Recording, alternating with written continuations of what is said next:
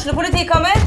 Ine Jansen er purk. Er du purk? The motherfucking bitch. Alt jeg vil, er å finne ut hva som skjedde med mannen min. Jon Carew. Er jeg sikta for noe? Iben Akeli. Det er du. Ole So, Lars Berrum og Big Daddy Karsten. Hvem sin side er du på, egentlig? Anette Hoff, Tone Danielsen, Kommer du fra Afrika? Jørnis Josef, Nesten. Kløfta. Trond Espen Seim, Det er synd å si det, men det var feil mann som døde. Purk. Premiere tirsdag på TV2 Play.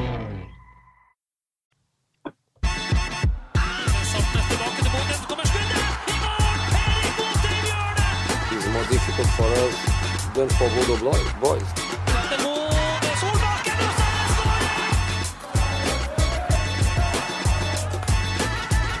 Let's enjoy it. Let's play.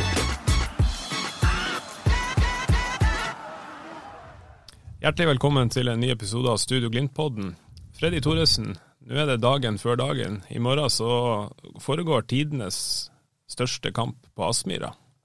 Ja, det er fantastisk. Det skal være Champions League playoff. Bodø-Glimt får besøk av Dinamo Zagreb, og eh, ja, det er mange som eh, snakker Det har vært mange store kamper på Aspmyra de siste årene, men eh, de bryter jo barrierer år for år, Bodø-Glimt, og nå skal de altså Det er to kamper som står imellom. Enten blir det Champions League gruppespill for Bodø-Glimt, eller så blir det Europa League. Så selv med tap mot Dinamo Zagreb, så hever de jo lista i forhold til fjoråret. Da spilte de Conference League. Det blir dårligst Europa League, selv om det da skulle bli tap mot eh, den kroatiske storheten. Det har skjedd veldig mye i Glimt-verden i det siste, og også de siste dagene. Albert Grønbæk er klar. Eh, tidenes største overgang, ikke bare til Glimt, men til en norsk klubb fra utlandet. Eh, og vi, vi må jo sortere tanker og, og få orden på det her før, eh, før avspark i morgen. Så vi har vært så heldige at vi har fått med oss Kevin Ingebrigtsen, fotballagent og, og bror av en ikke helt ukjent annen Ingebrigtsen. Velkommen til deg. Tusen takk for det. Um, kan du fortelle helt kort, hva gjør du, og hvorfor har vi henta deg inn i studio i dag?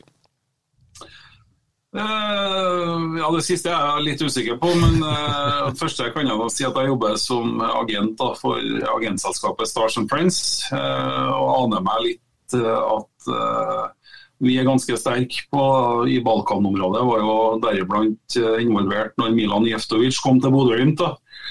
Så det er jo et eh, område som vi har veldig god kjennskap til.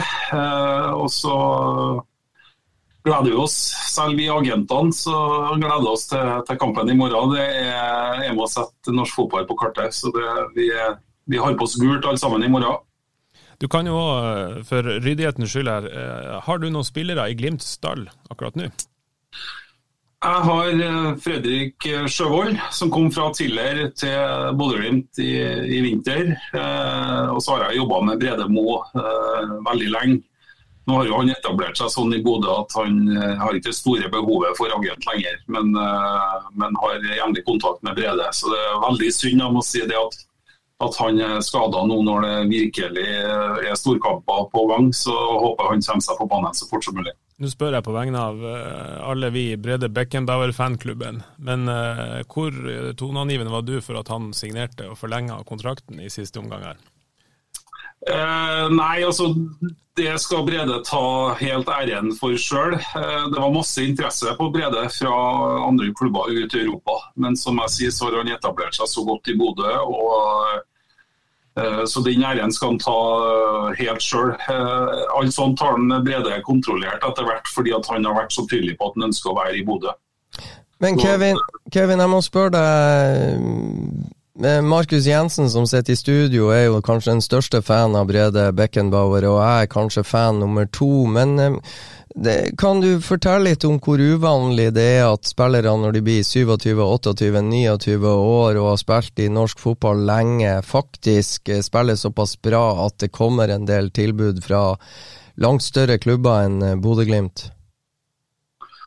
Eh, det, hele casen med Brede er jo veldig spesiell. Eh, Jeg er så heldig å ha vært med på hele reisen fra Brede, fra Ranheim til Rosenborg. Og, og de, de overgangene han har hatt, og det løpet han har hatt. Og det har jo vært noen dype daler, eh, tøffe motgangsperioder, og så har det vært noen fantastiske oppturer etter hvert. og har jo blitt kjent med Brede på en sånn måte at uh, han er litt annerledes. Han, jeg tror nok den motgangen for en del år siden gjorde han godt i forhold til perspektiv. Jeg tror at familie og dem rundt den og, og, det å bli pappa og sånne ting eh, endra perspektivene til han eh, i forhold til den biten.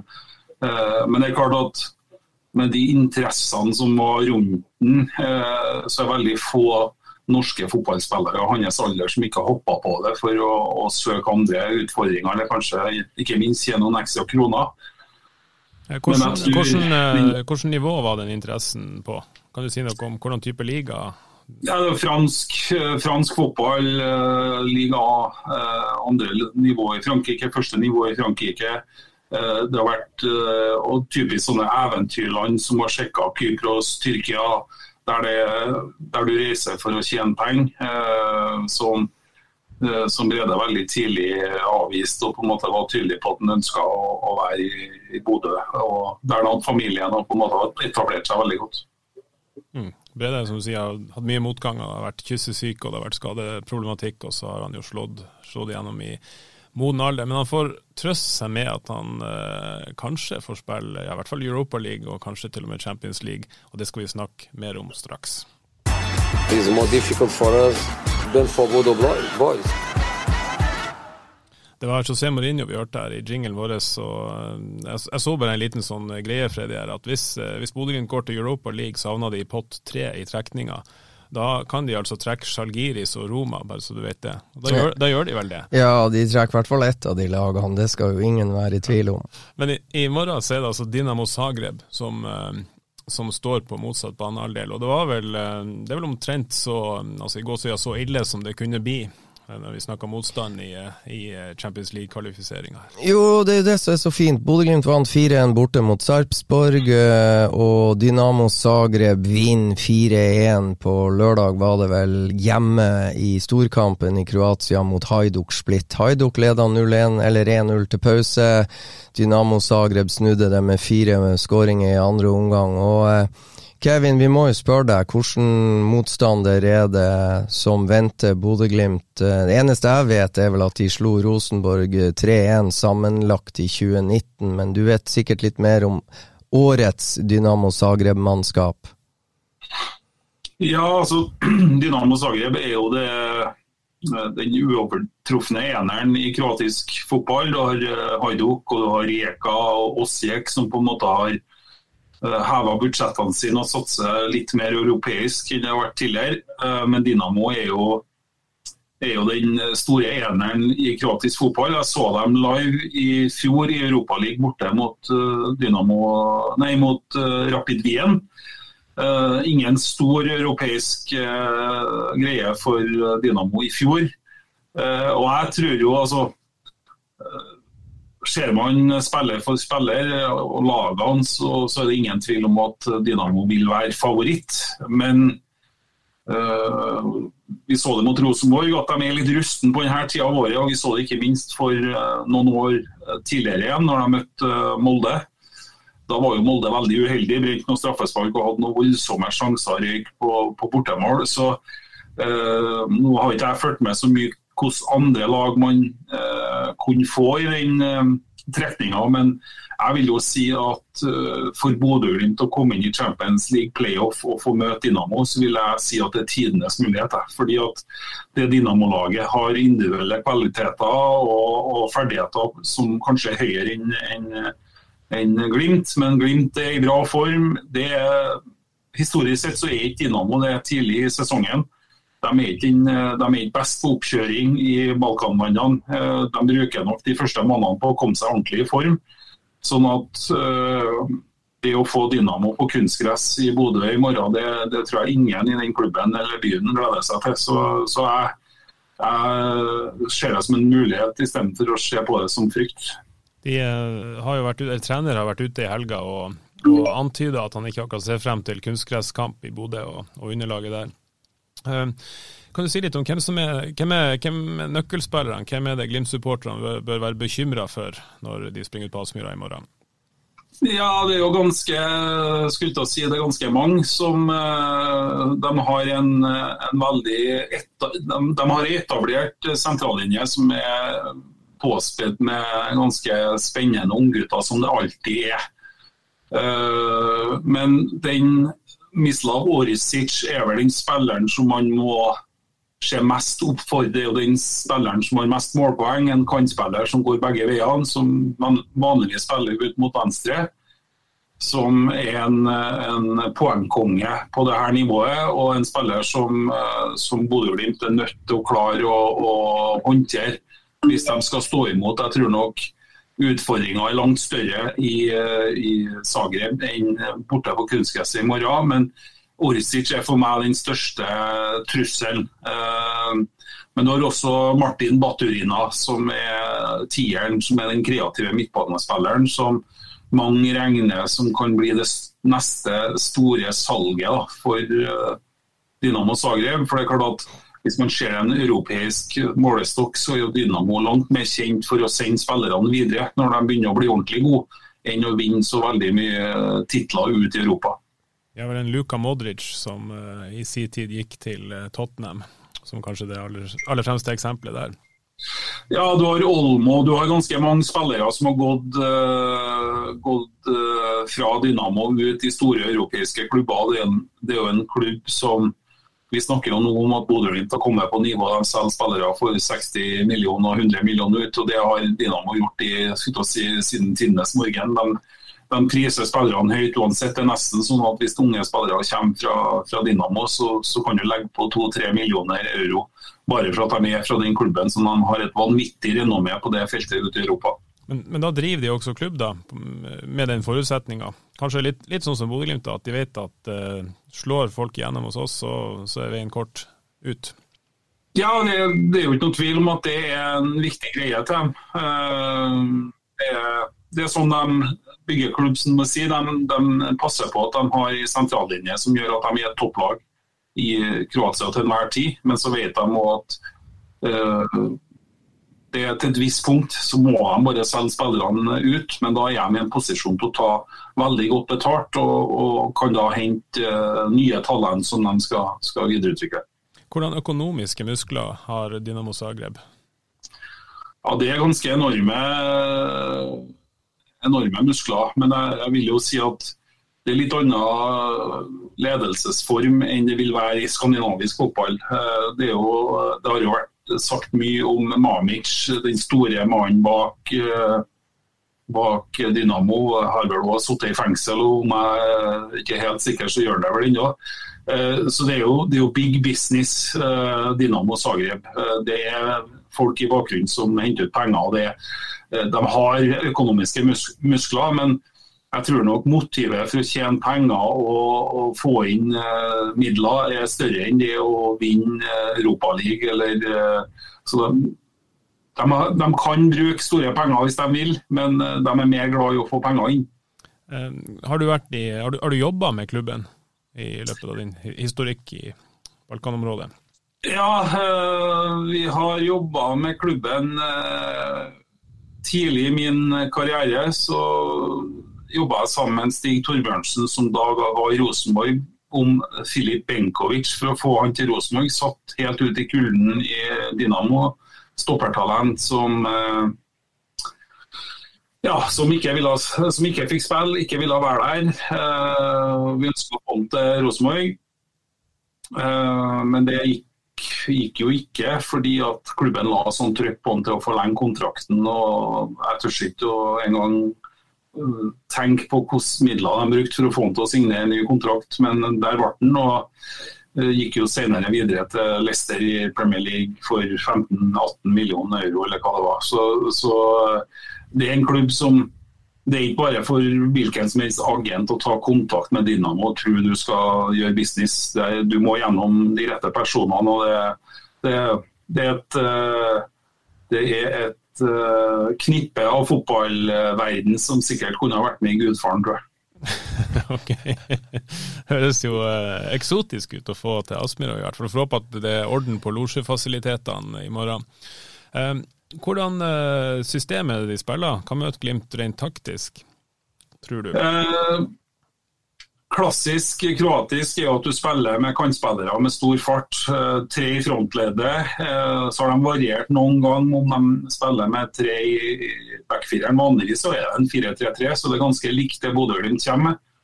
Eh, og er jo litt sånn er jo en klubb litt sånn som Bodø-Glimt, som på en måte har holdt tak i en identitet fordi at det er lettere å utvikle spillere. Altså Hvis du ønsker å sende dem ut i Europa, så er det klart det er verre hvis du ikke har en definert spillestil. Og, og Dynamo tror jeg har, eh, har en klar tanke i alle lagene sine om hvordan de skal spille fotball. Så, så det, det er et eh, vanligvis veldig likt sånn som Bodø-Glimt spiller, med, med, tre i frontleddet, med en stor, sterk spiss. Når de henta en fra Norwich som, eh, som uh, avløser Petkovic litt, da, som på en måte har vært toppskåreren de siste årene, og som alle tror blir solgt nå i, enten i vinduet her eller i, i januar.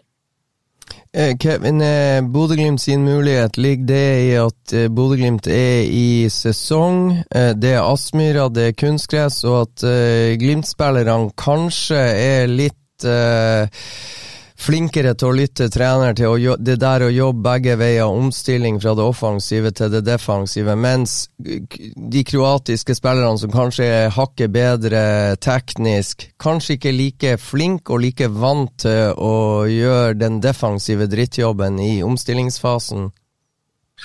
Ja, så tror jeg på en måte den, den kollektive poweren til Bodø-Glimt, eh, det at alle spillerne til enhver tid vet hvordan hvordan medspilleren eh, beveger seg og hvor han er til enhver tid, eh, vil gi Bodø-Glimt en stor fordel. Det er jo ikke noe tvil om at Bodø-Glimt er ikke bare i sesong, men de er i veldig god form. Nå har de også knekt inn koden med å møte lag som ligger med fem mann i forsvar. Det, tror jeg de slipper mot, mot Dynamo. men Uh, muligheten til Bodø-Glimt ligger selvfølgelig at det er kunstgress og at det er forskjell på sesong, men for meg så er det liksom det, det kollektive trøkket, den, kolle, den, kollektive energien som Bodø-Glimt har. Eh, det, den samhandlinga de har som kommer til å gjøre det veldig vanskelig for Dynamo i den kampen. der, fordi at Det å spille imot Bodø-Glimt krever voldsom forflytning og energi. Og det er ikke alle spillerne i Dynamo som er like glad i den biten av fotball. Hvor, eh, hvor, forberedt tror du europeiske lag som kommer til Aspmyr altså det, har, det, fått noen faresignaler. Det har jo sett hva som skjedde med Roma når de kom i, eh, i halvveismodus til Aspmyra. Og det har vært andre lag, og Celtic var jo sjanseløs. Eh, hvor forberedt tror du de er motstanderne på intensiteten, og tror du det er mulig å forberede seg 100% hvis Glimt treffer med inngangen og er, er Glimt på sitt mest intense? Jeg tror de er veldig godt forberedt. da. Eh, de har et voldsomt apparat i Dynamo. Eh, men til det å vite hva som kommer på papiret til å være klar for det i kamp, det er jeg veldig usikker på. Eh, jeg tror uansett, så lenge det er Bodø, det er langt oppe i nord, det er i Norge, det er en liten fotballnasjon, så tror jeg kroater av folkeslag har, kommer til å ha litt Se litt ned på dette.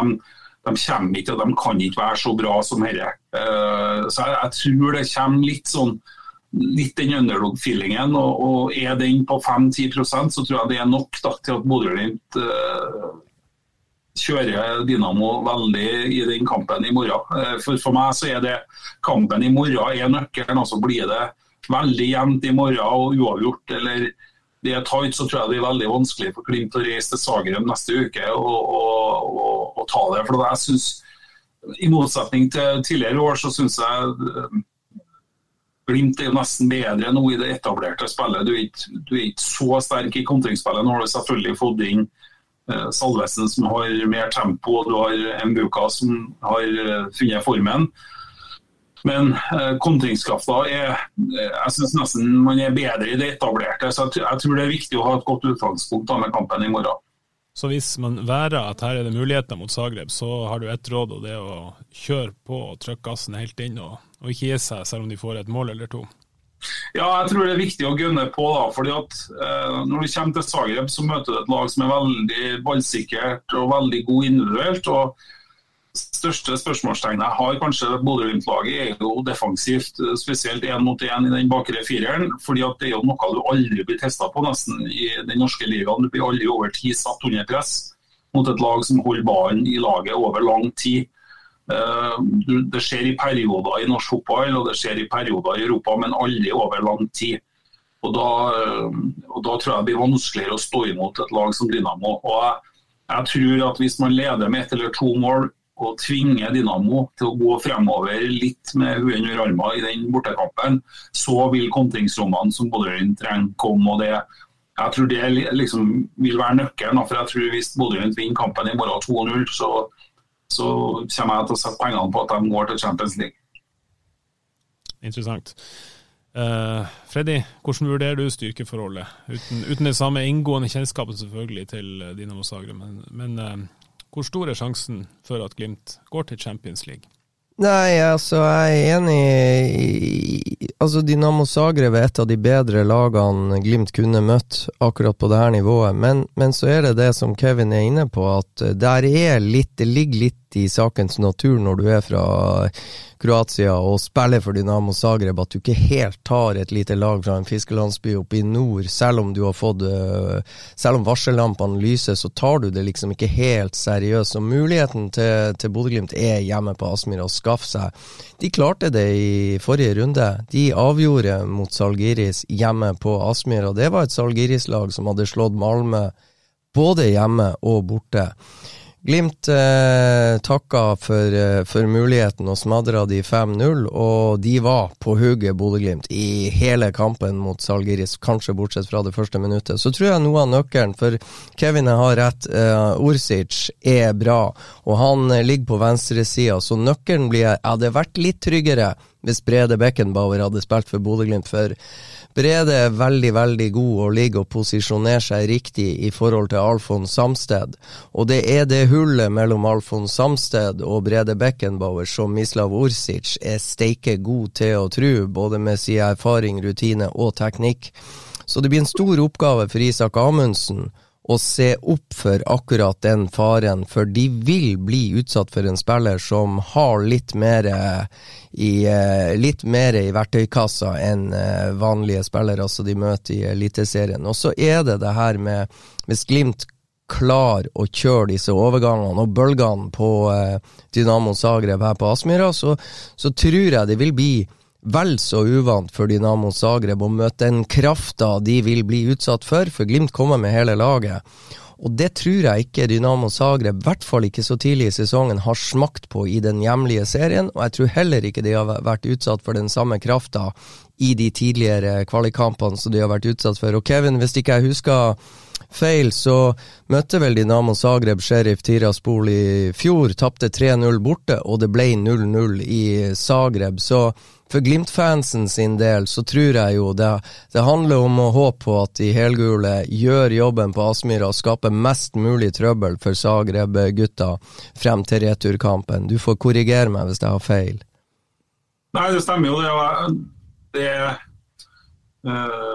det er helt, uh, helt, klart for meg at det er den hjemmekampen i Bodø som er nøkkelen å få med seg. Det er jo ikke dermed sagt at hvis det blir 1-1 i Bodø eller 1-0 til Bodø-Glimt at det er kjørt. Men eh, prosenten som kanskje er 50-50 i mine øyne eh, før vi går ut, hvis de da vinner 2-0 i morgen eller 3-1, så, så, er den opp på 70 til Bodø og ikke 50-50. Kevin, eh, kommer Glimt til å bli pressa høyt på Aspmyra, eller tror du Dinamo har en annen inngang? Jeg tror ikke Dynamo kommer til å presse høyt. Jeg tror de eh, jeg skulle si jeg håper de gjør det, fordi jeg er ganske sikker på at uh, Glimt kommer til å spille av. fordi at Ingen av frontspillerne til Dinamo har uh, presspill som sin styrke. Uh, men samtidig så er de et veldig sånn ballskikkelig lag. så De gangene de vinner ballen, så er de veldig flinke til å holde inn. sånn at det, er nok den største utfordringa for, for, Glimt i frispillingsbiten. at hvis du mister ballen høyt mot uh, norske lag, så gjenvinner Glimt veldig kjapt. Men det, det blir mye verre mot et Dynamo-lag. sånn at uh, Jeg tror nok ikke Dynamo kommer til å ligge lavt i 90 minutter, men, uh, men jeg tror ikke vi kommer til å få et, et kollektivt høyt press med stor aggressivitet. Jeg tror de kommer til å avvente og, og å ligge samla og prøve å, å, få overganger. For det, det, er noe de er gode på, dem òg. De er vant til å dominere kamper. og så Når de da leder 1 eller 2-0, så slipper de seg litt ned. Litt sånn som Glimt var for noen år siden. Eh, og venta bare på at uh, overgangsrommet skulle komme. Så jeg blir veldig overraska hvis, hvis, Dinamo kommer i et uh, høyt aggressivt press mot, mot uh, Glimt i morgen. Jeg må også spørre deg, Kevin. Du har jo uh, fulgt Bodø-Glimt i, i, mange år og hatt flere spillere her oppe. og Du var innom Milan Jevtovic sjøl, og du var også involvert i Filip Sinkernagel sin overgang fra fra Sønderjyske.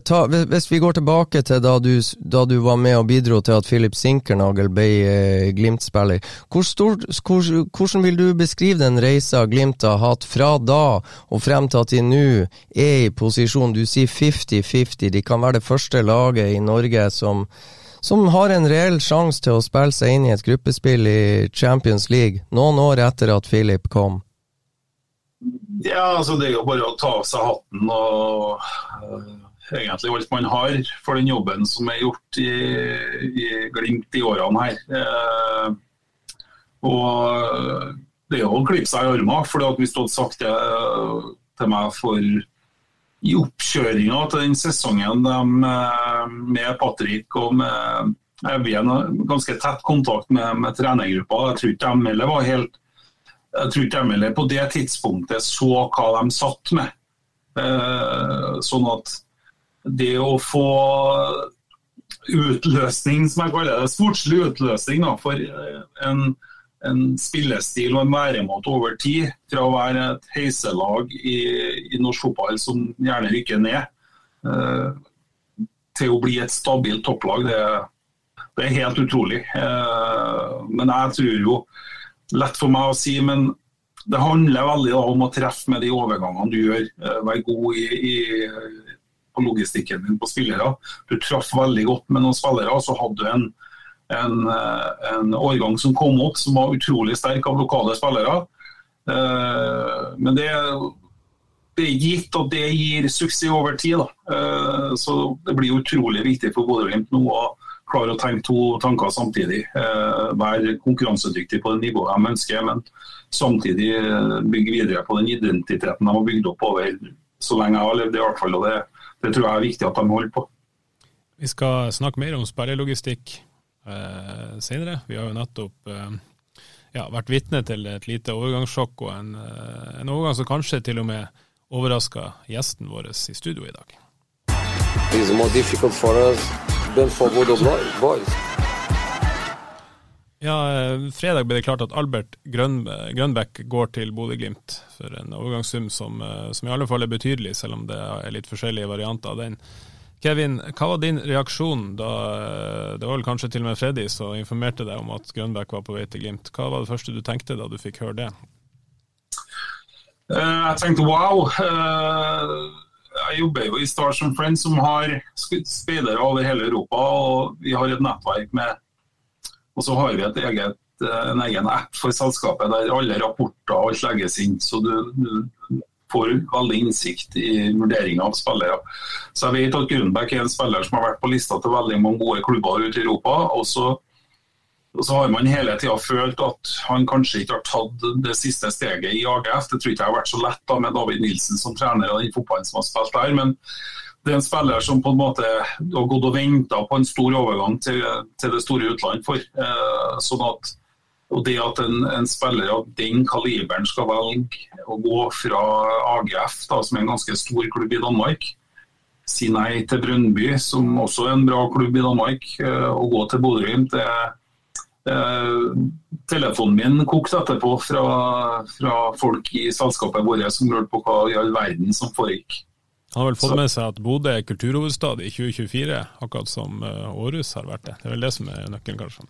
Ja, Det kan være, men noe må det være. Altså, jeg, jeg sa det jo på fleip til Freddy at uh, jeg hørte at han måtte komme oppover uh, og se på byen og sånn. Uh, jeg bedyrer jo at man må få signert den før han kommer til Bodø, da, så han skjønner hva, hva, det er han har gitt seg ut på. Men uh, han kom nå til Bodø og signerte, og det, er veldig overraskende. Altså, uh, det er jo et veiskille for Bodø-Glimt òg, i det øyeblikket man ønsker å bruke så mye penger på en spiller. Det viser jo at man har uh, tar det på alvor, det å være en, en stabil toppklubb. Og så, og så, men jeg må si jeg er overraska at, at spilleren velger å gå til Bodø-Glimt. Men vet du, Kevin, vet du hva som overraska meg her?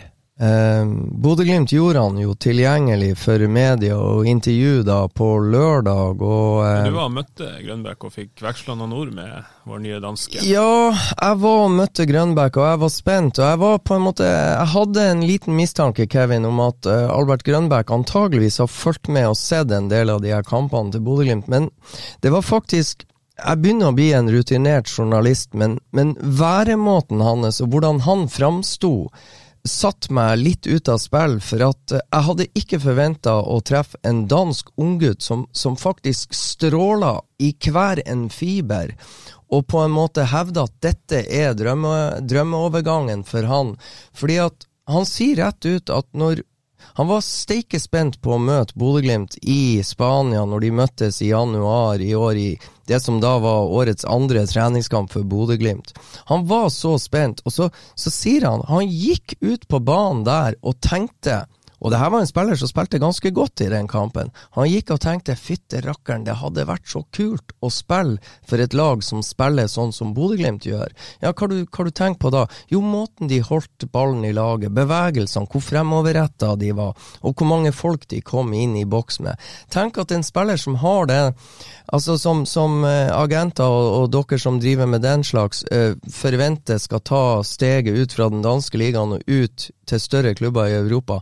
Han går med de tankene i hodet når han spiller mot lille Bodø-Glimt i en treningskamp i, i, Spania. Jeg ble sånn blown away. Han, han, hadde mamma med, han hadde pappa med, han hadde broren med, han hadde kjæresten med. De fløy inn, de landa i Bodø i det som Altså, det må være tidenes drittvær en augustdag i Bodø. Der kommer de inn med et lite privatfly.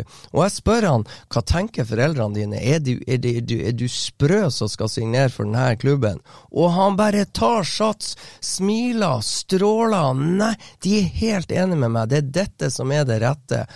Og jeg kan ikke vente med å komme i gang og trene i morgen. Altså, den her reaksjonen hans, at det virker Altså det virker sånn at det her har han altså gleda seg til lenge, og jeg ble blown away av hvordan han framsto. Altså. Kjetil Knutsen har jo sagt det i mange overgangsdiskusjoner, at de ser veldig etter spillere som har lyst til å gå til Glimt.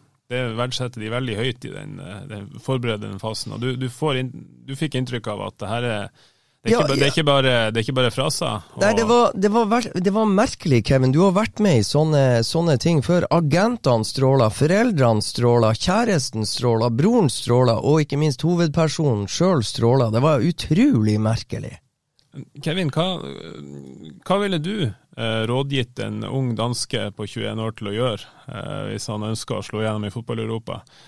Ville din aller første tanke, og nå må du svare helt ærlig, være å sende han til Bodø?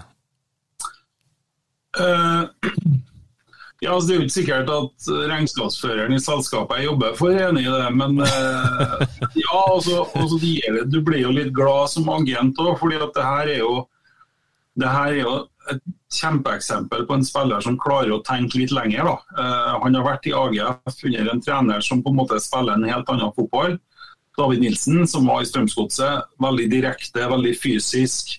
Uh, uten noe veldig klar spillestil.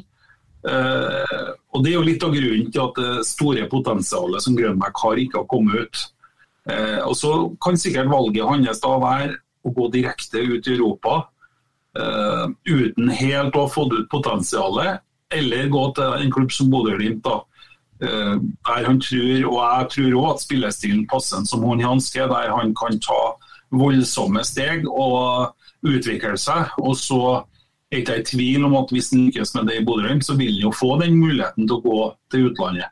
Sånn at ja, og, det er jo eh, kanskje litt eh, sentralt her, for Bodø-Glimt er jo blitt et utstillingsvindu som, eh, som har på en måte fotball-Europas øyne retta mot seg. Hvor stort konkurransefortrinn er det i de her diskusjonene mellom agent, klubb, spiller, sånn som du ser det?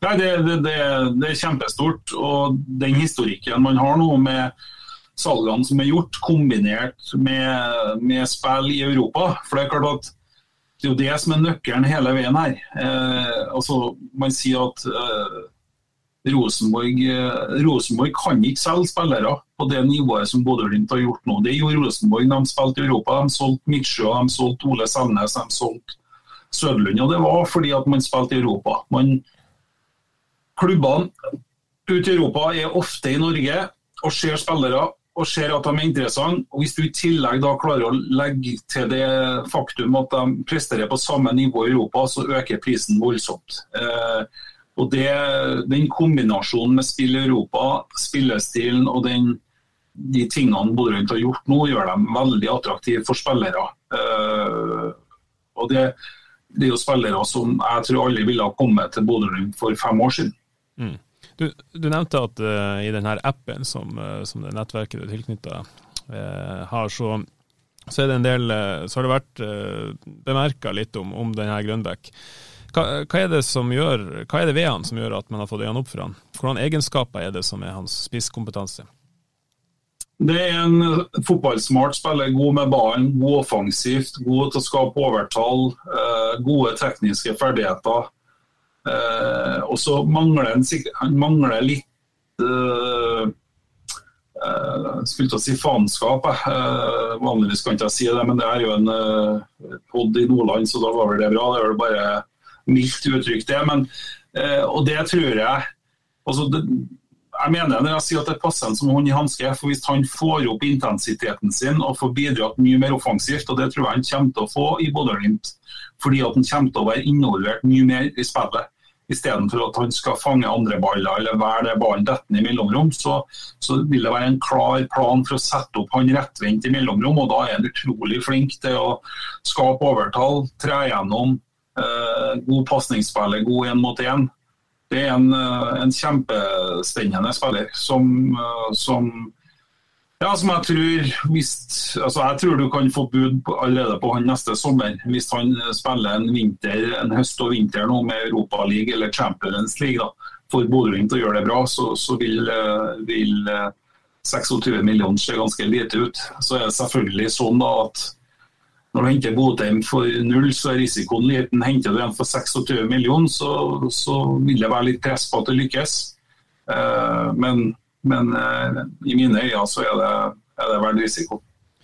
Hvor, ehm, eh, hvordan type klubber er det som har snusa på han, tror du, allerede før Glimt fikk tilslag? Ja, det er Tyskland, det er Belgia, eh, det er Nederland. Eh, og så tror jeg på en måte spillestilen i AGF har gjort at han ikke har fått det helt ut, og da tør man ikke å, å hente den. Altså, man har, eh, men også jeg må si at det at han går til til Bodø for 26 millioner. Jeg, jeg syns ikke det er så dyrt med tanke på at han har spilt på U21-landslaget fra Danmark. og eh, Hadde han skulle gått fra AGF ut i Europa, så tror jeg den prisen har vært eh, høyere. Men, men uh, igjen, han har noen steg å ta før han kan fullbyrdige potensialet sitt. og da, da vil prisen være helt annerledes.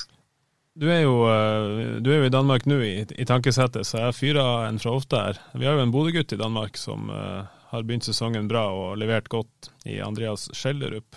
Um, hvordan, uh, for å sette litt i perspektiv, da, hvordan summer går han for uh, når han en gang går? Det kan jo fort skje kanskje allerede i uh, ja, neste sommer, i hvert fall. Neste sommer, tenker jeg. For å si det sånn, Han starta jo forrige sesong òg like bra, og var jo blodheit inn mot jul. og så slukna han litt utover eh, sesongen. Så jeg tror nok at eh, Schjelderup er nødt til å vise eh, kvalitet over lengre tid. Og han mister jo litt av det perspektivet som en Grønbæk kan få i Bodø-Glimt. For han kommer ikke til å få spille mye europacupfotball. Sånn at han må gjøre det gjennom klubbfotball og landslag, men det er jo snakka om summer på, på 100-150 millioner. For, og Det er jo litt fordi at klubben han er i, mm. har solgt så mye spillere. og klubber som kontakter dem for å hente spillere, de vet at det her koster. Mm. Eh, men altså, eh, min påstand er at potensialet i Grønbæk er, er større enn i, i, i Schjelderup. Mm. Veldig interessant. Freddy, er du enig i det? Ja, så jeg, jeg lærer, så jeg, eh, jeg kan ikke si at jeg er enig eller uenig, men jeg syns det er veldig interessant å høre. Jeg så sjøl eh, Albert Grønbæk i, eh, i Danmark mot Bodø-Glimt, og skjønte jo eh, det snakket, for allerede da snakka trenerne veldig varmt om han, og begynte eh, å drømme om å få en sånn spiller av det der kaliberet til å spille i helgult. Ingen hadde trua på det. Nå har de realisert det, og jeg har også, som Kevin, fulgt litt med AGF Århus i etterkant eh, av den treningskampen mot Bodø-Glimt, av nysgjerrighet for å se hvordan hvordan steg tar Albert Grønbæk? Men det er ingen tvil, det er, det er, en spillestil i AGF som Albert har vært i, som ikke passer han som spiller. Det ser til og med jeg.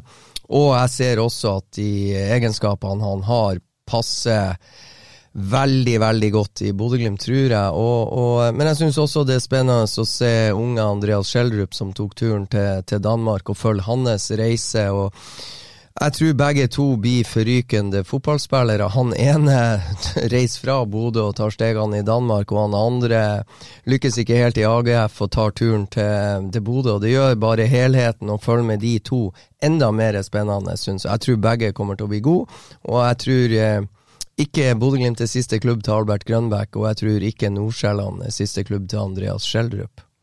Vi skal snakke mer om spillelogistikk og agentenes rolle i den, og samspillet mellom klubb og spiller straks. Men jeg må bare få si, Freddy, at uh, vi må fortsette å ha Kevin på poden, for så ydmyk har jeg aldri hørt deg før. Nei, der ser du. Dette mot Solbakken, og så er det skåring! Ja, eh, Bodø-Glimt er jo blitt litt sånn eh, Du kalte det vel Skandinavias bøsslag eh, her i forrige podkast, og det er jo blitt hot property i fotball-Europa. Ja, stemmer det, Kevin. Er Bodø-Glimt blitt den lille Skandinavias lille føss i Europa, tenker du? Ja, det er ikke noe tvil om det. Jeg var sjøl eh, den nevnte kampen eh, eh, som jeg var og så i fjor høst. Det var jo når Bodø-Glimt slo Roma hjemme. Og da satt jeg rundt bordet i en restaurant i Østerrike med speidere fra Sevilla, Valencia, masse storklubber. og Vi snakka bare om Bodø-Glimt. Eh, og da hadde det skjedd eh, Rapid Wien mot, mot eh, Dynamo Zagreb. da. Så det, det, er ikke noe tvil om at det blir lagt merke til. Eh, så, så, det må man bare det, altså må man bare jobbe for å, å bli der, skal jeg si. Det, det, er en, det er en buss, og det er ikke noe, det er ikke noe tvil. Du er jo i en bransje som eh, med jevne og ujevne mellomrom får en del tyn, og blir eh, ja, beskyldt for både det ene og det andre, og er det griske agenter sant, og det i det hele tatt. Men det er vel sikkert litt forskjell på, på folk. Tror du Bodø-Glimt får mange pussige hendelser fra din bransje om dagen? Det kan jeg garantere at de får. Uh, Kåre har jo nå begynt i Åsane som sportssjef, gjorde det før sesongen her. og Det er litt artig å se mailboksen hans innimellom på hva som blir spilt inn. og Det er jo i Åsane der uh, lønnsmidler og alt er ganske begrensa. Uh, med tilgangen Bodø-Glimt har til økonomien nå, så ser jeg for meg at det er både telefonen og mailboksen til Åsmund og Håvard Sakariassen tror jeg er ganske velfylt av uh, jeg tror ikke bare, bare, jeg tror ikke bare interessante innspill, uh, for å si det sånn. Men, men, er det sånn at altså, i hvor stor grad uh, hvor, stor, altså, hvor, hvor, hvor, mye jobber du som agent for å finne den rette klubben til klienten din? Altså, hvor stor del av jobben er det? Og Da, da snakker jeg sportslig og liksom utviklingsmessig.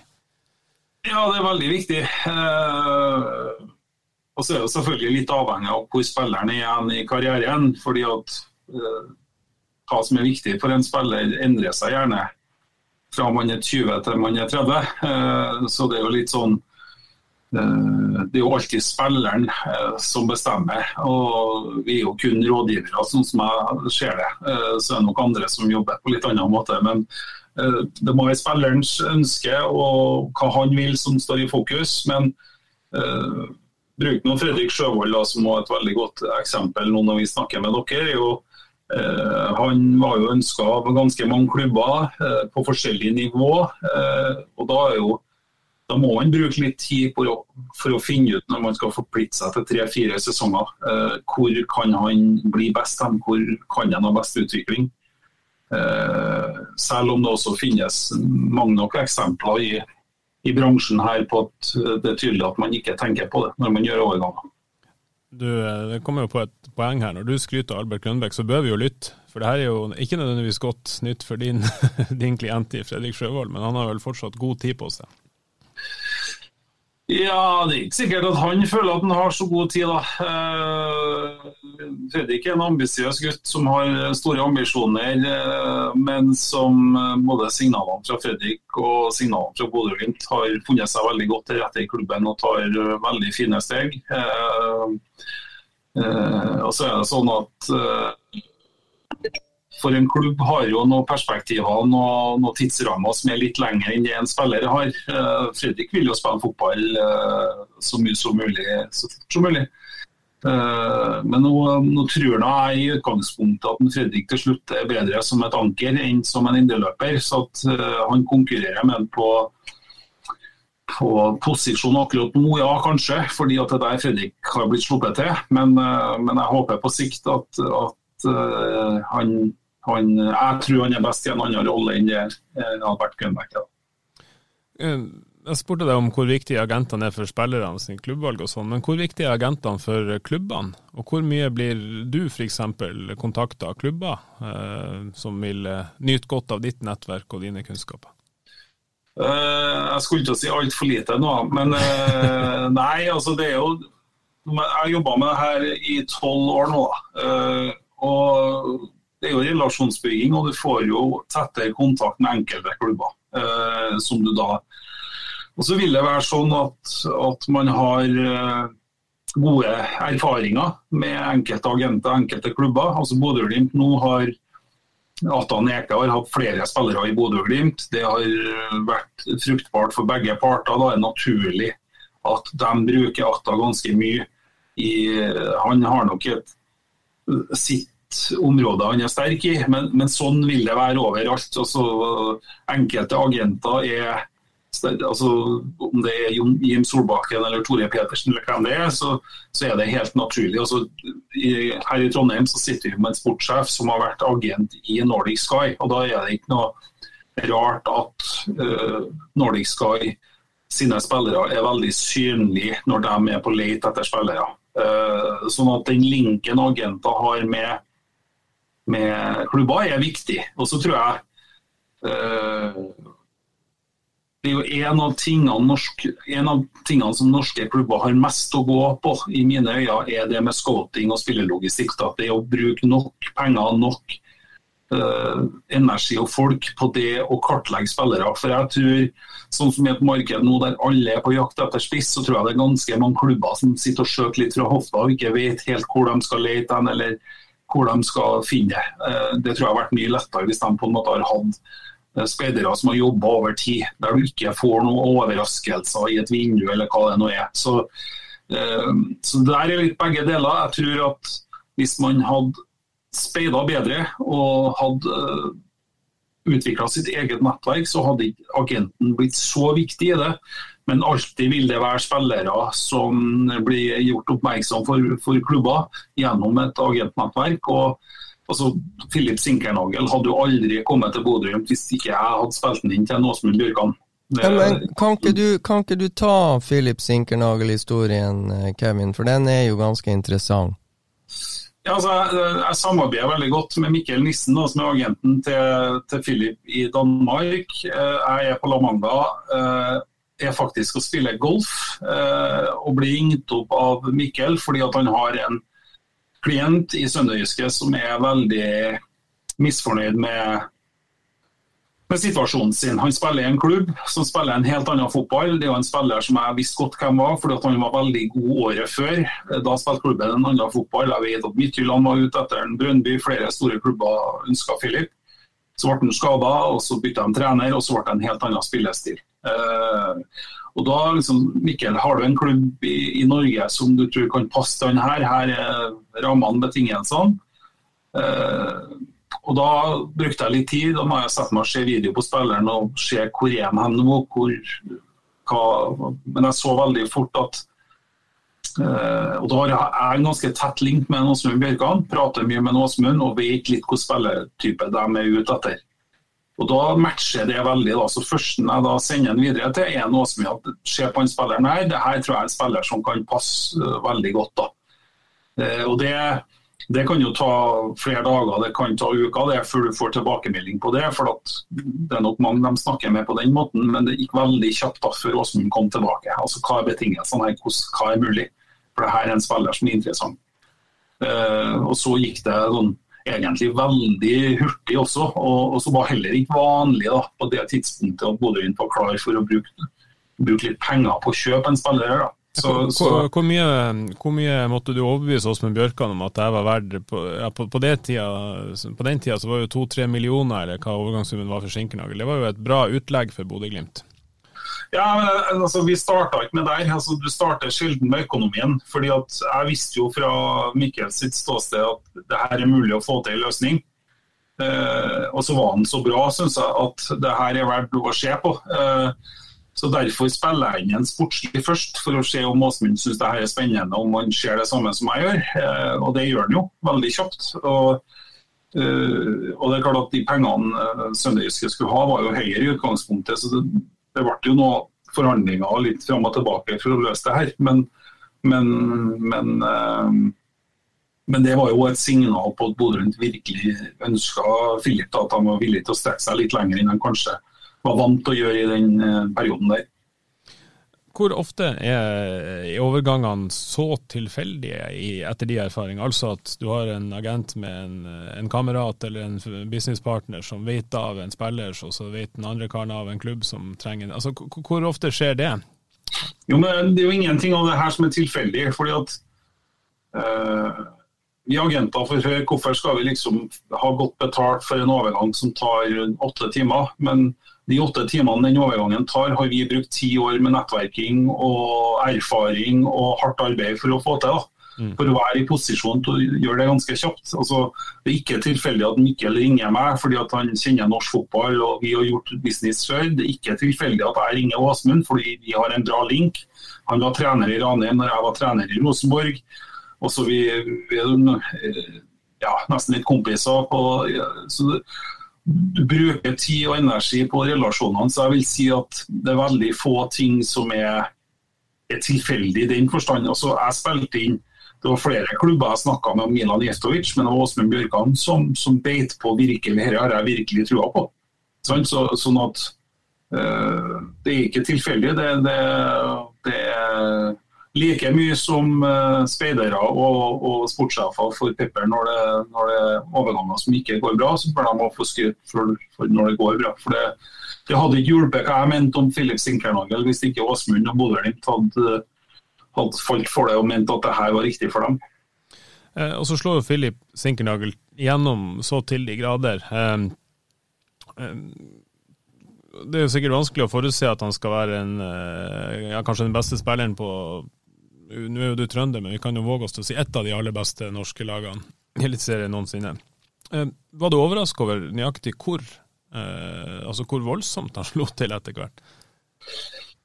Uh, ja, det må jeg si. Uh, og det er litt pga. at spillestilen i Bodø-Glimt utvikla seg litt òg. Fordi at i den fasen Philip kom inn, så var ennå Bodø-Glimt bedre i kontringsfasen.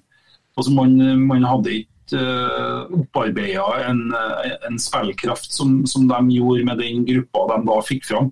Og Philip var jo en av nøkkelspillerne i så måte i forhold til å være mye bedre til å holde ballen i laget. Uh, men det er jo utrolig givende å være med på når man ser at, spill, at det matches så til de grader. Fordi at det ga Bodø-Glimt noen dimensjoner eh, som de ikke hadde fra før. Og så, og så gjorde Bodø-Glimt sin kraft han mye bedre også, i forhold til at eh, når, når Bodø-Glimt var så massiv som de var, så, så, så han kommer aldri til å være så god. Han kommer aldri igjen til å være så god som han var i Bodø den gangen, uansett hvilket nivå han nå går til.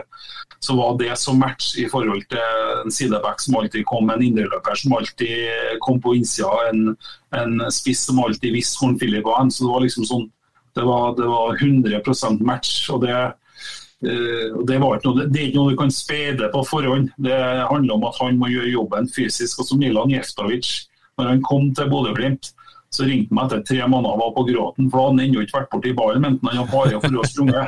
Altså, jeg ligger i 4-5-1, jeg springer, jeg er jo ikke borti ballen. Hvordan fotball er det her? Eh, og Jeg måtte snakke med Åsmund, og ja, det, han trenger litt tid. og det er jo ikke noe tvil om det. Han trengte litt tid for å tilvenne seg det fysiske. og så, så var det jo først utpå mai-juni at det virkelig smalt når han skåra mot Tromsø. og på en måte fikk, og det var litt sånn med Filip, han trengte litt tid, var litt skada. Men når han kom klarte å tilegne seg den fysikken som, er, som trengs for å spille i Bodø-fotball, så, så, var det full match. Du, uh, Filip gikk jo gratis fra Bodø-Glimt, riktignok etter å, å, å skutt inn litt penger på konto, får vi jo, får vi jo si at han bidrar til. Um, nå har Bodø-Glimt tre spillere uh, på utgående kontrakt. Nikita Haikin, Alfons Samstedt, Ola Solbakken. Og Amahl Pellegrino. Ja, ja men, men, akkurat Pellegrino regner vi vel med blir å forlenge. Vi får se. Um, men i den fasen her, da, Kevin, hvor, um, hvorfor velger spillere å, å, la kontrakten løpe ut? Og hvordan er den avveininga der mot å, å, forlenge kontrakten og kanskje være med på et salg? Uh, ja, det er jo en vanskelig greie det der, fordi at, uh, at Eh, jeg husker Alfons Samsted. Eh, sammen med hans agent så var jo han på prøvespill i Rosenborg når, når Kåre var der. Eh, fikk ikke kontrakt i Rosenborg, selv om han, de syntes det var spennende han var i Nordkjøping uten å helt slå igjennom. Så kommer han til Bodø og får den reisa der. og så hvis du da skal forlenge med Bodø-Glimt og signere på tre år og er avhengig av at det skal komme en klubb som da er villig til å betale 30-40 millioner for deg, for å hente deg ut, så, så, kan det skape ganske stor usikkerhet. og det, Jeg, jeg syns man skal være veldig sånn uh, forsiktig med å kritisere spillerne for den biten. Uh, det er litt sånn som Bodø-Glimt når, når, du hadde den gullårgangen. De var jo heldige at de ikke mista flere av dem fordi at de hadde dem på lav lønn og de var lokale gutter. Istedenfor å, å spike opp lønna deres tidligere og gi dem lengre avtaler, så holdt det jo på med Fredrik André Bjørkan. At han gikk gratis. Sånne ting er jo grusomt, syns jeg. Og det, og det, må jo både være for klubben og egentlig og for spilleren. Men det er en, det er en sammenheng her. Eh, Alfons Samsted han kom ikke til Bodø-Glimt for å være i Bodø-Glimt til en 30. Samme gjorde Nikita Haikin. Sånn at spillere som så tydelig ønsker det som et mellomsteg. og Det, det tror jeg Bodø-Glimt må ta inn over seg, uansett hvor bra man gjør det inn- eller utland. Så, så, finnes det større bjørner ute i Europa som klubbene heller vil spille på, på sikt. da. Og Så skal du være ganske sånn, trygg på deg sjøl for at du skal forlenge avtalen og, og føle at nei, det kommer jo sikkert noe, noe likevel. Eh, da, da, legger du litt av, av den eh, avgjørelsen i hendene på klubben. og Det er verken som agent eller som, som, spiller alltid like lett å gjøre. En supporter vil jo kanskje tenke at uh, en vanlig tankegang her er at uh, hvor hadde Nikita Heikin eller Alfons Samstedt eller Filip Sinkernagel vært hvis ikke Bodø-Glimt uh, tok det inn og liksom fikk være med å bygge det opp til det de ble da. Men fotballkarrieren er kort. Ja, den, den, er kort. Den er kort. Det blir som, som Jeg trente jo Ole Selnes i Rosenborg, og mange spør jo meg hvorfor Ola valgte de veiene han går. og Jeg sier jo alltid at de sier hvor, hvor dum kan han være, drar til Kina nå i Zürich. Men jeg sier jo hvor smart han er. Han har jo på en måte, Ole er så smart at han vet kanskje at han ikke kommer til å spille på United i Premier League. Han må utnytte de 10-12 årene han holder på. Han kommer til å komme hjem en, som en velbeholden mann med fantastiske erfaringer.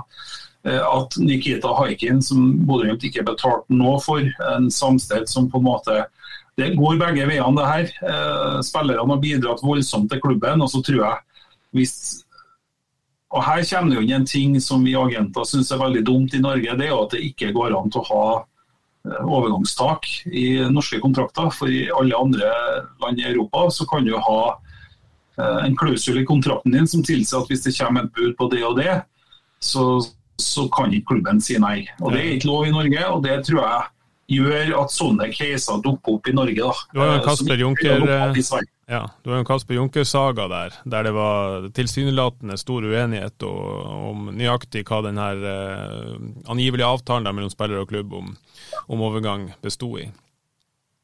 Ja, det der er jo, og det er kjempevanskelig. For det er klart at klubben vil alltid, ledere i klubben vil alltid ha klubben i fokus. Spilleren og agenten vil ha spilleren. Eh, og så kan man jo si alt om hvordan de casene blir håndtert. Men, eh, men eh, altså, Ola Solbakken kjenner jeg godt fra Trondheim, her, som på en måte var skadeplaga i Rosenborg. Slo aldri ut i full blomst der. Gjorde det egentlig heller ikke i Ranheim, men der var han på vei til å bygge opp. Du kan jo si liksom Ranheim nå, det er ikke bare Bodø-Glimt som går glipp av penger, det er jo Ranheim også, som på en måte var med å la plattformen som gjør at han kunne ta steget videre i Bodø-Glimt. De sitter jo igjen med ingenting av et videresalg nå.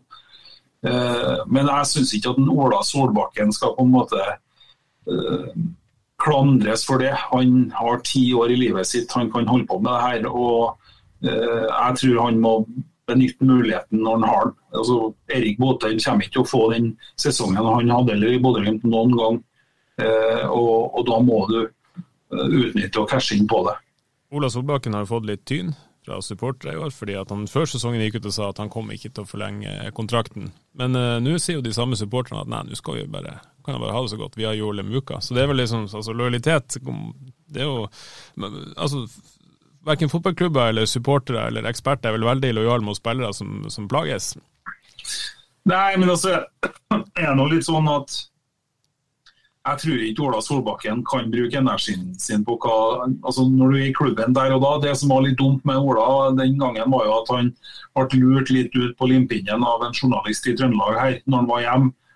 Eh, og sa, for det er, liksom, det er sånne ting som du kan mene, men du trenger ikke å si det offentlig, så, så vil det få mye mindre trykk enn du gjorde med Ola. Da. Så Det tror jeg mer var en uheldig så Jeg tror nok det er mange spillere som tenker det Ola sa, men det er ikke alle som sier det i media. Og, og da blir det mer pepper på det. Uh, Ola har en bakgrunn som gjør at hvis du får den muligheten og kan gå til når du ser at uh, Glimt priser spillere opp i 60-80-100 millioner, og så har han vært litt skadeplaga, gått den veien han går, og så skal du plutselig da forlenge med Bodø-Glimt for at de skal få penger som han i utgangspunktet syns er mye høyere enn den er verdt. Eh, så har jeg jobba så lenge som agent at eh, her må jeg bare støtte eh, Ola at, at Bodø-Glimt har hatt muligheten til å tjene gode penger på ved å selge den enten i januar eller i sommer. Nå har han vært skada, litt uheldig for begge parter.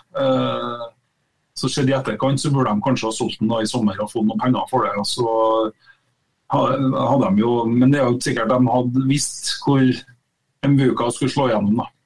Hvor, eh, hva, er ditt, hva, er ditt, råd til Bodø-Glimt uh, for å i minst mulig grad havne i de her skvisene? Hva kan Bodø-Glimt gjøre for å slippe å ha tre nøkkelspillere som har utgående kontrakt? Jeg tenker at man må scoute bedre, og da sier jeg ingenting om at det ikke er scouta godt nok. Eh, for jeg vet, Men sånn som med Fredrik André, så vet jeg jo hvor mye de har leita om å finne den erstatteren på venstrebacken. Mm. Men det må startes nesten. altså når, når, posisjoner i klubben har to år igjen av kontrakten, har du ikke erstatteren internt i klubben, så må du begynne en prosess med å finne en. Og det er klart at I Bodø-Glimt, som er så innkjørt system, så, så, vil det være enda viktigere å få inn spillere tidlig, sånn at du kan utvikle dem. Men det som jeg tror er viktig da, eh, for Bodø-Glimt, er at du ikke tenker bare at du skal hente ferdig vare, men at man tar vare på den identiteten og fortsetter å utvikle spillere. Se på Emuka nå, som på en måte ble henta tidlig et voldsomt krav til, til, til, tålmodighet også for den spilleren som kommer inn i et sånt system. Men Mbuka er jo et kjempeeksempel. En som har stått litt i det, kanskje vært litt misfornøyd innimellom. Men når muligheten først kommer, så er han der, og da, da ser du den utviklinga han har. Så jeg håper Bodø-Glimt tenker to tanker samtidig. De viser med Grønbæk at de er villige til å bruke penger på de spillerne som kan gå rett inn og forsterke laget. Eh, men Nå er ikke jeg helt objektiv med, som agenten Fredrik Sjøvold, men jeg, jeg, tror sånne caser er kjempeviktig for Bodø. Der du kan hente ung, utvikle klubben, og så må du, når timinga er riktig, gi dem muligheten. Og det, det, har de hatt mange eksempler. Det er langt flere gode eksempler for det i Bodø-Glimt, eller dem de har brukt penger på, som, som, på en måte har kommet rett inn og forsterka lag. Det er vel viktig også å vise at uh, man er fair med spillere som uh, kommer til Glimt, satser på Glimt. Når Albert Grønbæk kanskje slår igjen i Bodø-Glimt, så er det vel et poeng å vise at man, uh, man overholder på en måte den delen av avtalen da, og faktisk selger på et fornuftig nivå det, hvis det passer klubb og spiller. Freddy, du ser, det ser ut som du mener noe sterkt her. Ja, og så er det jo, Kevin, antageligvis ei utfordring da når Bodø-Glimt eh, vinner gull for andre gang, og ikke sant, Marius Lode på, på tur ut, eh, kontrakten går ut, Fredrik Bjørkan sin kontrakt går ut, de velger å selge Patrick Berg, de velger å selge Erik Botheim. Så det er jo fire, fire, klassespillere som forsvinner. Så det her er jo en del av de tingene som, som gjør at hvis ikke sant det hadde kommet et bud på Hugo Vetlesen, så er det vel forståelig at Bodø-Glimt kan si til spiller at hei, det holder med fire, vi kan ikke selge fem. Så det, det er vel Det er komplisert spill, det her, Kevin. Ja, det er ikke noe tvil om det. Men det er klart at skal Bodø-Glimt være så attraktive som de er i dag, så må de også vise at de slipper spillerne når timingen er riktig. Jeg tror at det blir veldig vanskelig å holde på Hugo Vetlesen nå i januar hvis det kommer et bud på han etter en god høst i Europaligaen eller Champions League. Eh, vært med og skutt Bodø-Glimt til en ny mulighet til å spille i Europa. Eh, så handler det om timing og det handler om signalene du sender ut av det. og da, da må du, Det er ikke Albert Grønbæk som skal selges først av indreløperne i Bodø nå, nå er det Hugo Vetlesen. For det er på en måte han som over tid har utvikla seg og tatt steget. Sånn tror jeg også Bodø-Glimt, uten at jeg har inngående kjennskap til hvordan de tenker, så tror jeg nok det er sånn Nå er det på en måte litt hans tur. Eh, og så er det litt sånn jeg tror ikke eh, Bodø-Glimt hadde solgt Patrick Berg hvis de ikke hadde trua på at Elias Hagen var klar. Selvfølgelig ikke til å gå rett inn på samme nivå som Patrick, men at han var bak der. Der hadde de gjort en kjempejobb. Det, det er et kjempegodt eksempel synes jeg, på en spiller som ok, Elias Hagen ble henta, måtte være litt tålmodig. Patrick skal ut på et tidspunkt. Da er det Elias, og så har han fått tilliten. Selv om kanskje ikke alle kampene i starten var like bra, så, så får han ubetinga tillit til å utvikle seg. Så, men det her er ikke enkelt. Da. Det kommer til å bli vanskeligere. Jo høyere presset, jo høyere kravene, jo mer du leverer. Eh, så er det her kjempevanskelig. Men, eh, men jeg, jeg, håper virkelig at Bodø-Glimt klarer å holde tak i identiteten sin. Da. Fordi Jeg leser jo på sosiale medier liksom at ja, men det er ikke noen nordlendinger på, på, på laget nå. så det er ikke noe, men du vil aldri, altså jeg skal ikke si aldri si aldri, men nivået å komme opp på nå, så, så det å få opp sånne årganger som du hadde med Håkon Evjen, eh, Jens Petter, Patrick og det, det skjer hvert skuddår. Jeg var sjøl eh, trener for det kullet i Rosenborg med Fredrik Midtsjø, Ole Selnes, Jonas Svensson, Kristoffer eh, Aasbakk. Masse. Eh, men det, det, skjer ikke veldig ofte. Eh, og, og Trondheim er nå tross alt litt større enn en Bodø. Så, men det, det, er krevende. Det kommer til å bli kjempekrevende. Men hva du syns eh, Kevin, nå? Eh, Fredrik Sjøvold blir jo henta Ung gutt var 17 når han signerte for Bodø-Glimt, er 18 nå. Og så henter de Lukas Kuber eh, fra Tsjekkia, eller Sintruiden, han er vel tsjekkisk-belgisk. Um, og han er jo òg et sånn prospect, sammen med Fredrik Sjøvold, som skal på en måte utvikles i samme klubb. Så det virker på meg som de prøver å tenke to tanker. Muka var jo det. Uh, Muka har vi snakka om, ja. Så mm. den der uh, å hente unge som skal formes i egne rekker, du var innom Elias også, og så da etablerte som Salvesen, og sånn høvelig etablert som vi må an anslå at uh, Albert Grønbæk er, selv om han ikke er etablert i Glimt-systemet. Er det det der å tenke to tanker samtidig som blir viktig, tror du? Jeg tror det blir kjempeviktig, og så tror jeg det blir kjempevanskelig. For det er klart at La oss si at de kommer inn i Europaligaen neste år, så vil det ikke noe tvil om hva målet til Bodø-Glimt vil være neste år, hvis de klarer å ta seriegull. Eh, og da ikke, Det blir tøffere og tøffere for hver gang å slette den unggutten og gi han de kampene han trenger for å komme opp på det nivået. Sånn at Spesielt hvis man har 200 millioner på bok, at man kan kjøpe en på direkten for 20 millioner som kan gå rett inn. Så det, det, er en veldig krevende greie, eh, og den håper jeg Bodø-Glimt klarer å holde tak i. For det er klart eh, Bommer du på en to-tre sånne kjøp, så forsvinner penger ganske fort. Da forsvinner resultatene. og så det er, det er, så mange eksempler i skandinavisk fotball på at det skjer, at jeg tror det, det er fryktelig viktig for Bodø-Glimt å holde fast identiteten sin også i spillelogistikken. Hvordan syns du Albert Grønbæk, eh, den signeringa der, eh, står til det du sier? Den uh, står litt utafor det. fordi at Her beveger Bodø-Glimt seg inn på et helt annet nivå enn de har vært tidligere. Her uh, bruker jeg mer penger enn noen norsk klubb har gjort på en spiller internt i Norge. Uh, men jeg, det som jeg sa innledningsvis, jeg er ganske sikker på at dette er en spiller som Bodø-Glimt har en, en, god tanke om at han skal ikke være her ut kontrakten sin. Han skal ikke forlenge kontrakten i Bodø-Glimt tre ganger. Han skal inn og forsterke laget, utvikle seg, levere, være med og bidra til gode resultater. Og så om ett og et halvt, to år så skal han ta steget videre. Eh, til stor glede for han og til stor glede for Bodø-Glimt i forhold til økonomi. Og da må man da ha Fredrik Sjøvold eller Hober eller hvem det er klar til å, å, å stå der rigga når, når Grønbæk drar. Det er, er litt på sideovergang, men det viser ambisjonen og, og hva Bodø-Glimt ønsker å få til. Eh, vi skal snart uh, takke deg for tida og la deg, uh, la deg, fortsette å finne fram uh, gode potensielle talenter til Bodø-Glimt. Jeg det er det du bruker mesteparten av tida på i Trondheim. jeg har en liten utfordring til deg til slutt.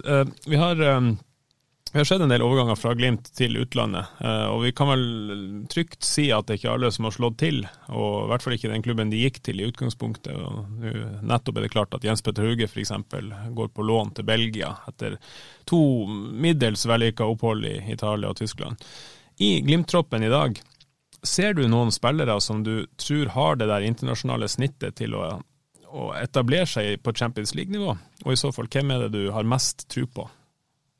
Oi, uh, det kom litt uh, litt overraskende på. Uh, ja, skal jeg være helt ærlig, så tror ikke jeg det er veldig, veldig mange, da. det tror ikke jeg. Jeg tror ingen i forsvarsleddet. Ben Gambomo har noe spisskompetanse som er ekstrem, men jeg tror at det blir litt som Lode hvis du setter han i en en treer i Tyskland der det er mannsmarkering, eh, kontra det å bli bygd klubben rundt sånn som han ble i Bodø, så blir det noe helt annet. Det, det, har vi jo, det har vi jo sett. Vi har sett det i andre tilfeller. Patrick Berg som ser ut som ja, han spaserer fotball omtrent i Eliteserien. Så kommer han til en klubb som ikke nødvendigvis er så fryktelig mye bedre som lag enn Glimt, men der enkeltspillere er noen knepp opp. Mm. Men det er altså Elias Hagen har potensialet, eh, må bli bedre i en del faser av spillet sitt. Men det kan en gjøre gjennom å spille på det nivået han gjør nå. Eh, Emuka har noe spisskompetanse som gjør at han er interessant for, eh, for Det går på fart og det går på én mot én og den biten der. Så det er noen spillere som kan, men ikke veldig mange. Og jeg satte jo spørsmålstegn også ved altså, Jens Petter Hauge, det blir sånn når folk sier hvorfor eh, Martin Ødegaard gikk til Real Madrid, du, du må bare gjøre det. Mm. Og Får du tilbud fra Milan eh, Jeg skrev en blogg for Nordicbet eh, i forbindelse med den overgangen at den kan du gjøre, fordi at får du ikke spille i, i Milan, så er det ikke noe problem å skaffe seg en, en klubb. Så tror jeg kanskje Antrag Frankfurt, tysk maskinfotball jeg tror det var kneppet for høyt, selv om han fikk være med på det han fikk være med på i fjor. Så nå må altså, Hvis ikke Jens Petter nå lykkes i Belgia på det utlånet, så tror jeg gjerne han må tilbake til Skandinavia, til en dansk toppklubb. Eller, uh, så jeg tror det er litt tøft å komme tilbake til Bodø-Glimt.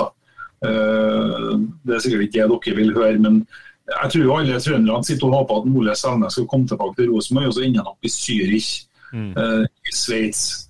Eh, så, så det er spillere der, men, men eh, for meg så er jo diamanten i Bodø-Glimt det det kollektive og det, det, man står for som lag. Og så, og så vil det helt sikkert. Men det jeg som er trønder sammenligner alltid med Rosenborg. Vi, vi, så det i et knallstramt 4-3 som Nils Arne Eggen hadde på 90-tallet. Så var ikke alle av dem som gikk ut av det systemet ute i Europa som lyktes. Altså, Harald Brattbakk eh, har jo knapt vært en bedre spiss i norsk eliteserie, men eh, sleit med å, å, å, finne og lykkes ut i Europa. Så, så det, det er ikke noe uvanlig, men det er vanskelig.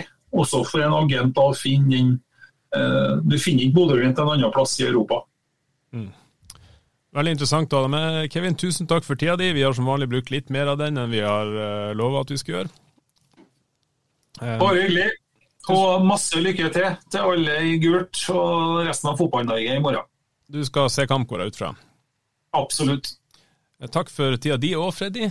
Du fikk jo knapt slippe til i dag, men jeg regner med du lever fint med det? Jeg lever fint med det, og det var fantastisk. Og Det var derfor jeg var tidlig ute og overtalte Kevin til å bli med, for da slipper våre lyttere å høre på meg bestandig.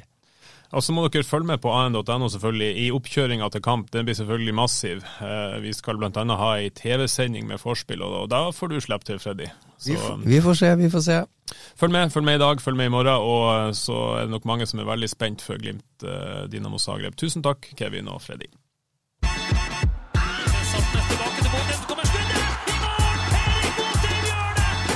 difficult for us. than for the boys.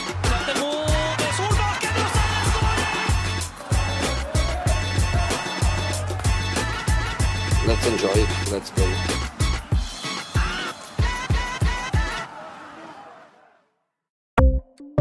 Ukens annonsør er HelloFresh. HelloFresh er verdens ledende matkasseleverandør og kan være redningen i en travel hverdag.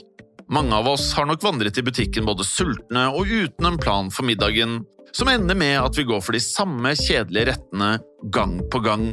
Middag burde være dagens høydepunkt. Som Hello Fresh kan du nå velge mellom 25 ulike retter hver eneste uke, eller få Hello Fresh til å sette sammen menyen for deg. Dette gir deg muligheten til å prøve nye og spennende retter alene eller sammen med familien. Du velger antall porsjoner og får alt levert på døren på et tidspunkt som passer for deg. Oppskriftene er enkle, og maten er lett å lage både for store og for små. Ved å få alt levert hjem får du også mer tid til å dele matgleden med familie og venner. Kanskje det frister med asiatiske tacos eller greskinspirert kylling? Da kan jeg anbefale deg om å gå inn på hellofresh.no. Her kan du bruke koden FOTBALL og få opptil 1779 kroner i rabatt på de første fem matkastene hvis du ikke har prøvd Hello Fresh tidligere. Du kan også bruke rabatten hvis du har vært kunde og stoppet abonnementet ditt for tolv måneder siden eller lengre. Gå inn på hellofresh.no og bruk koden FOTBALL. Har du et enkeltpersonforetak eller en liten bedrift? Da er du sikkert lei av å høre meg snakke om hvor enkelt det er med kvitteringer og bilag i fiken, så vi eh, gir oss her, vi. Fordi vi liker enkelt. Fiken superenkelt regnskap.